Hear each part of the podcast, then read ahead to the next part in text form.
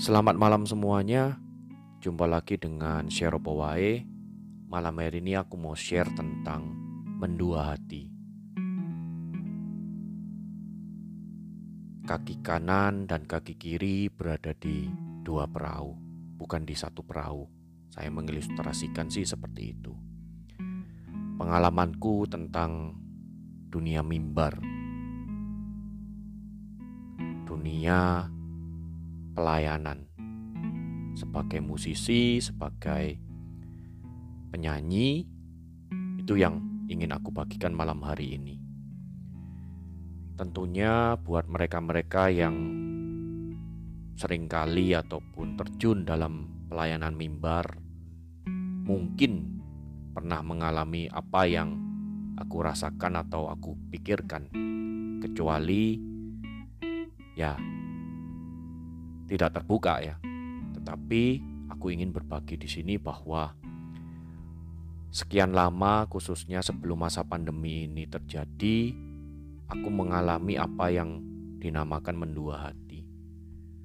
Mendua hati di sini apa yang aku kerjakan itu ternyata tidak sesuai dengan hati nuraniku. Jadi yang melakukan karena terpaksa, karena terjadwal, supaya gak menyinggung orang lain, dan seterusnya dan seterusnya. Itu memunculkan rasa bersalah yang lumayan sering ya. Oke, begitu selesai main, pulang, tuh kok gak enak ya.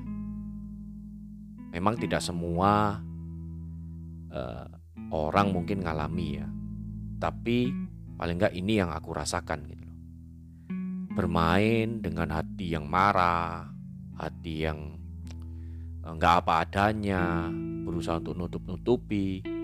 Aslinya enggak seneng, tetapi dibuat senang. Aslinya marah, ditampilkan enggak marah. Aslinya belum melakukan pemberesan karena melakukan dosa percabulan, tapi tetap saja seolah-olah tidak melakukan apa-apa. Tidak ada yang tahu, hanya diriku sendiri. Tetapi itu yang aku lakukan, aku alami. Orang bilang, oh harus melakukan pemberesan. Iya, aku melakukan pemberesan, tetapi kok nggak beres-beres ya. Itu benar sesuatu yang apa ya, sangat sangat gak enak gitu loh. Walaupun pembelajarannya benar.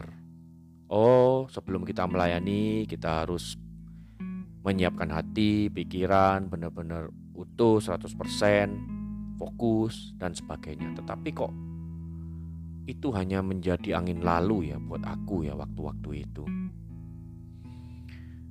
Justru ya banyak merasa bersalahnya dengan seolah-olah melakukan pelayanan untuk Tuhan, menjawab pertanyaannya, oh untuk melayani Tuhan. Tetapi ada rasa, oh aku ingin dihormati, aku ingin dihargai, aku ingin dipuji. Itu terjadi beberapa kali. Jadi antara perkataan, pikiran, dan hati itu gak sinkron, gak satu jalan. Maka dari itu, kenapa aku memberikan judul mendua hati? Ya tidak tulus tadi itu kan. Aku nggak tulus. Aku bilangnya, oh semua ke pujian, kemuliaan hanya bagi Tuhan. Tetapi, oh aku ingin pingin, aku ingin merasakannya juga.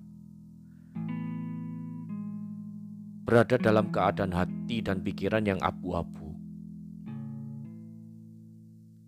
Tidak iya, tidak tidak jadi di tengah-tengah. Dan itu tidak aku sadari, tetapi aku lakukan.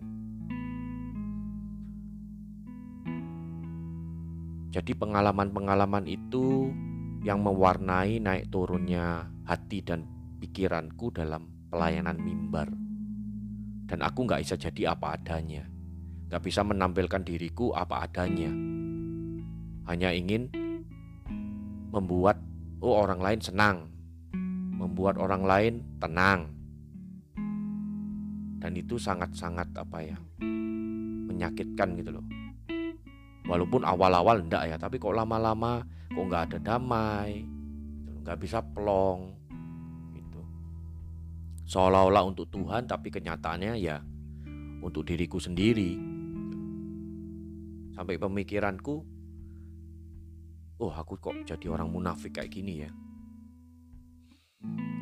Dan aku bersyukur selama masa pandemi ini aku benar-benar diajar untuk menyadari hal ini. Sampai kapan? Ya aku nggak tahu, tetapi aku mau untuk terus berproses dan tentunya minta bantuan Tuhan untuk terus mengajari aku rendah hati dan menyadari banyak-banyak hal baru yang aku pelajari tentunya selama masa pandemi ini, khususnya tentang pelayanan mimbar ya.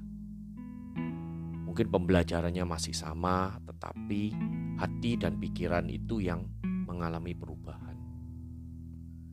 Kalau memang nggak setuju ataupun nggak suka, lebih baik katakan ya nggak setuju, nggak suka. Daripada ya berada di tengah-tengah tetapi karena ini adalah kesepakatan tim ya. Andai kata toh sudah diambil kesepakatan, aku harus memiliki uh, sikap yang benar. Baik itu mendukung ataupun tidak mendukung, baik melakukannya ataupun tidak melakukannya. Itu. Jadi jangan sampai gurundel gumburi bahasane orang Surabaya ya. Jadi itu dan mendua hati di pelayanan pelayanan mimbar sangat-sangat tidak enak. Dan aku terus terang tidak mau.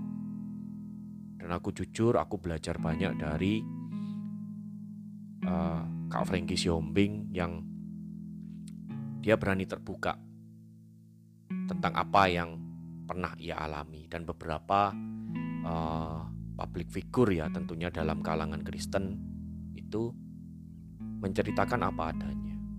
Oh aku lemah, ya aku lemah. Gak menutup-nutupi. Karena aku percaya keterbukaan adalah awal pemulihan, ya, yes. Kalau toh itu bisa terbuka, semua orang bisa lihat. Buat aku pribadi, oh aku gak masalah. Itu. Karena dengan orang lain bisa melihat kita apa adanya. Ya,